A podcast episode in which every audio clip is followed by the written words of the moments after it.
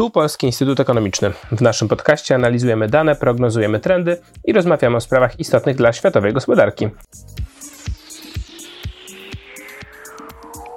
Dzisiaj zapytam Jana Strzeleckiego o zmieniającą się rolę Kazachstanu w trakcie wojny Rosji z Ukrainą. Nazywam się Jacek Grzeszak i zapraszam do słuchania. Ze mną jest Jan Strzelecki, Zespołu Gospodarki Światowej. Cześć Janku. Cześć Jacku.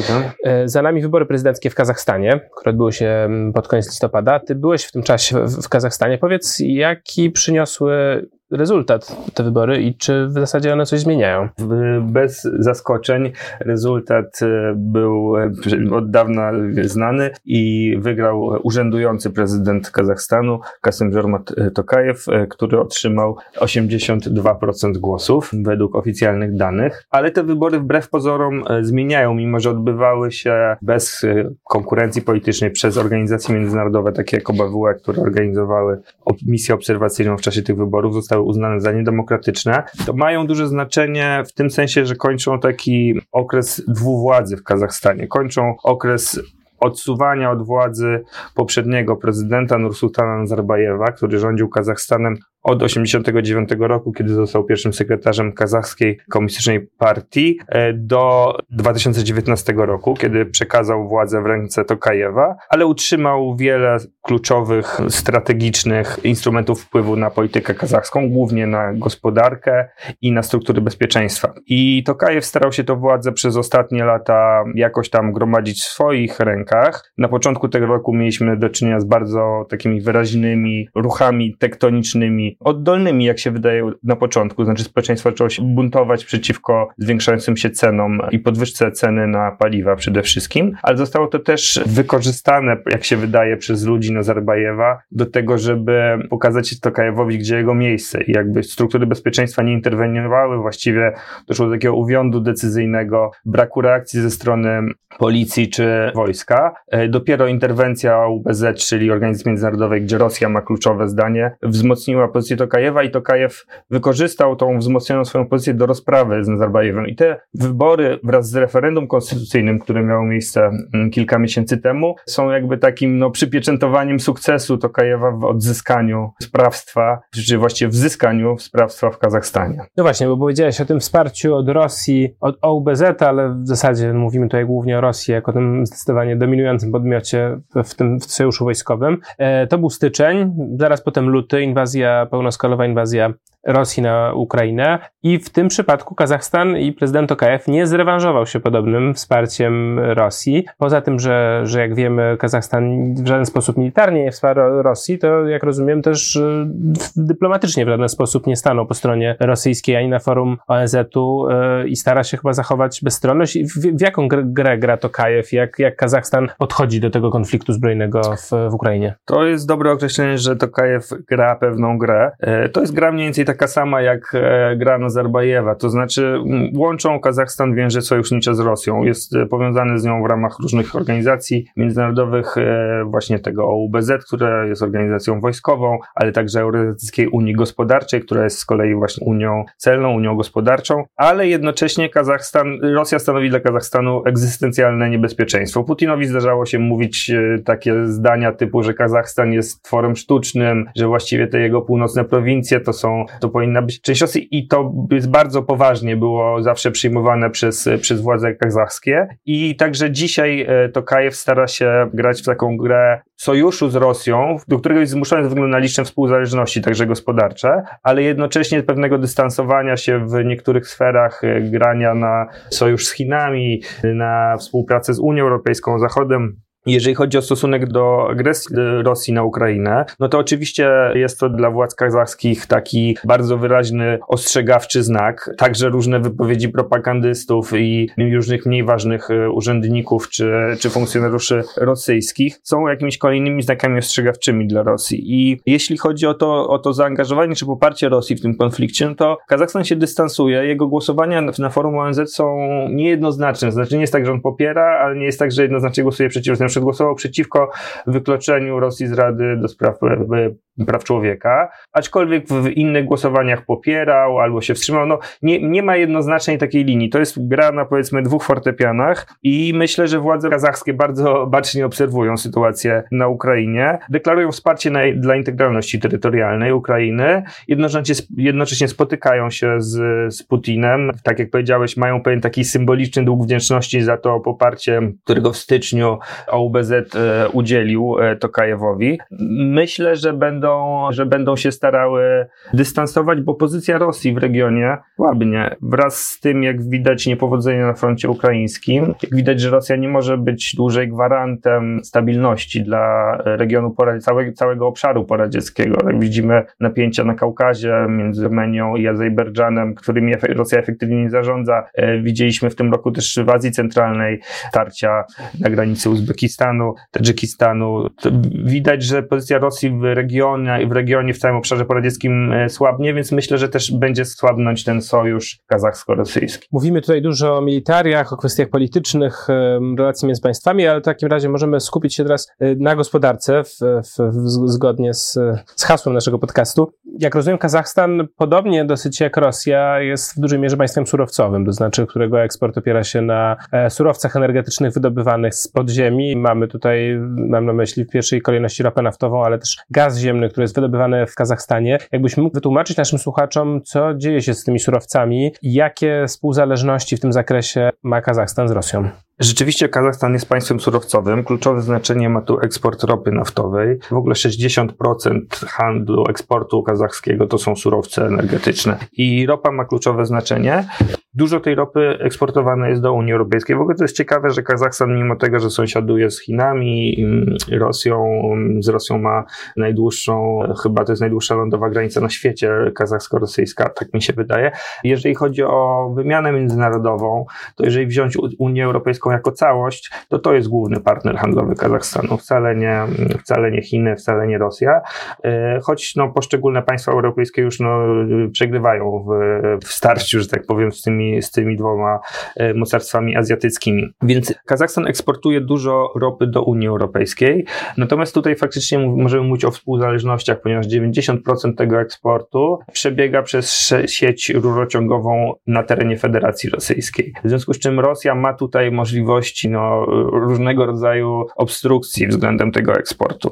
E, natomiast dla gospodarki kazachskiej jest to, jest to kluczowe. Znaczenie gazu jest dużo mniejsze, zwłaszcza, że w ostatnich miesiącach eksport gazu kazachskiego spada ze względu na zwiększone zapotrzebowanie wewnętrzne. Natomiast tutaj też to, co jest jakby aktualnym jakimś tematem, to to, co słyszeliśmy w zeszłym tygodniu podczas wizyty mm, prezydenta Kasymża Marta Tokajewa w Moskwie, to znaczy tak zwana Unia Gazowa, którą prezydent Putin starał się promować jako właśnie współ, mm, element współpracy kazachsko-uzbecko-rosyjskiej, która to Unia miałaby pomagać rosyjski eksport gazu do Chin, ponieważ Rosja staje wobec poważnych problemów problemu w związku z sankcjami i ograniczeniem eksportu gazu na rynek europejski, który był głównym odbiorcą rosyjskiego gazu, stara się jakoś przekierować te kierunki eksportu e, surowców. O ile z ropą jest to łatwiejsze, bo, no bo po prostu taki jest charakter tego surowca, o tyle kwestia eksportu gazu jest bardziej skomplikowana, bo albo trzeba go skroplić i załadować na statki, a tutaj brak technologii, brak e, infrastruktury do, do skreplania gazu jest rosyjską bolączką,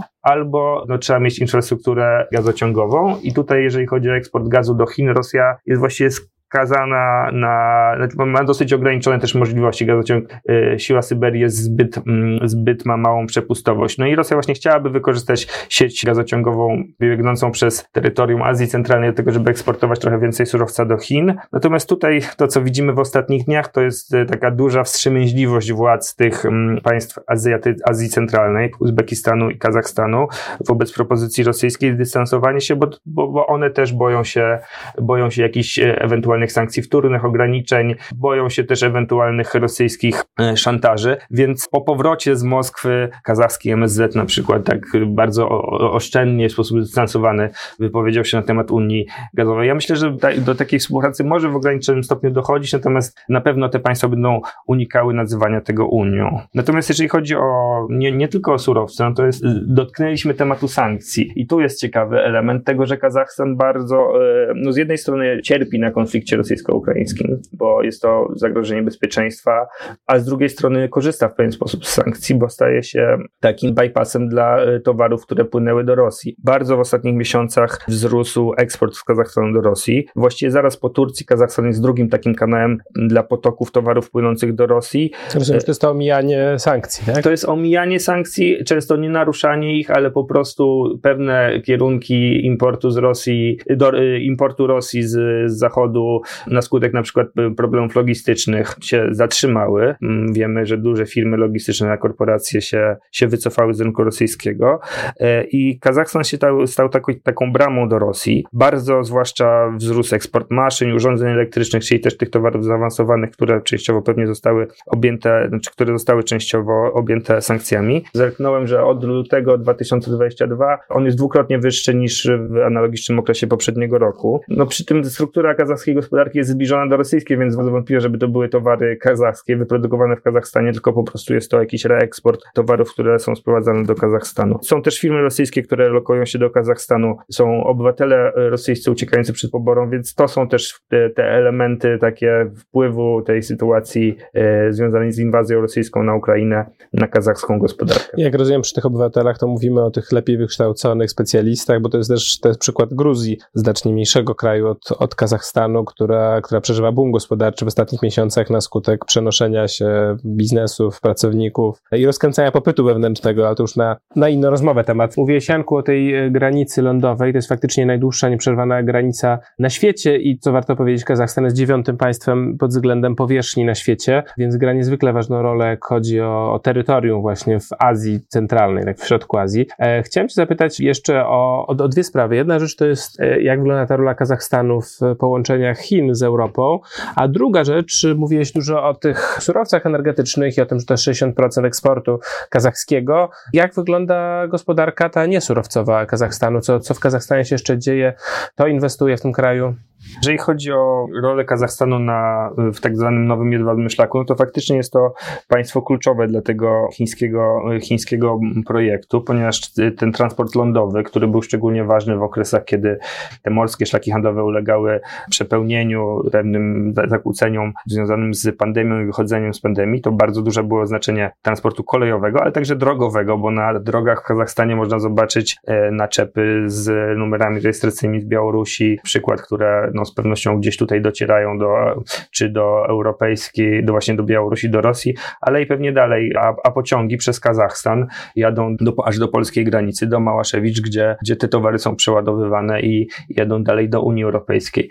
Więc y, większość tych wariantów, a zwłaszcza te warianty, które mają ewentualnie omijać Federację Rosyjską rozwoju jedwabnego szlaku, właśnie prowadzą przez Kazachstan. I jest też potencjał jakby jeszcze rozbudowywania infrastruktury łączącej Kazachstan z Unią Europejską potencjalnie tak zwany Middle Corridor mógłby pomóc w eksporcie właśnie kazachskiej ropy do Unii Europejskiej z uniezależnieniu się od sieci rurociągowej na terenie Federacji Rosyjskiej. Jeżeli chodzi o te kwestie związane z sytuacją gospodarczą w Kazachstanie, to on no, na tych surowcach budował sobie pewien dobrobyt na tle obszaru paradzieckiego jest swego rodzaju ewenementem, no właściwie e, poza Federacją Rosyjską budowało się, udawało się budować taki, zmniejszać biedę czy ubóstwo w społeczeństwie, budować pewien dobrobyt. Natomiast no, problemem w dalszym ciągu y, jest y, bardzo wysoki poziom korupcji, który no, wyniesiony z czasów radzieckich właściwie sprawił, że większość tych spółek y, kluczowych zajmujących się wydobyciem poza surowcami energetycznymi, tam są także inne surowce, stal, żelazo, surowce ziem rzadkich. Większość tych spółek była obsadzona przez osoby bardzo blisko związane z Nazarbajewem, przez jego rodzinę. E, trzy córki ich mężów e, obsadziły właściwie kluczowe sektory gospodarcze i oligarchowie. No i tutaj, tutaj jest jakieś pole do tego, żeby Tokajew pewne ruchy przeprowadził, tak jak przeprowadza ruchy związane z taką ograniczoną liberalizacją systemu politycznego, tak być może może będzie przeprowadzał też ruchy związane z liberalizacją systemu gospodarczego, jako że Kazachstan też jednocześnie jest otwarty na inwestycje zagraniczne. Tak jak wspomniałeś o inwestorach, na przykład Chevron jest jednym z dużych inwestorów w wydobycie surowców. Tutaj możemy się spodziewać, że może prezydent pewnie powoli, obawiając się o swoją pozycję, ale będzie, będzie starał się odsuwać tą starą gwardię także od, od kluczowych sektorów gospodarki i otwierać się trochę na konkurencję. I rozumiem, że z tym też jest związana ta niejednoznaczna pozycja Kazachstanu w kontekście wojny wojny w Ukrainie.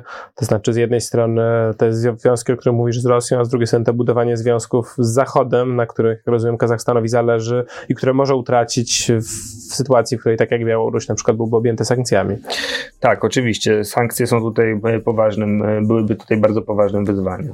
Dziękuję Ci bardzo za rozmowę. Moim Państwa gościem był dzisiaj Jan Strzelecki. Bardzo dziękuję.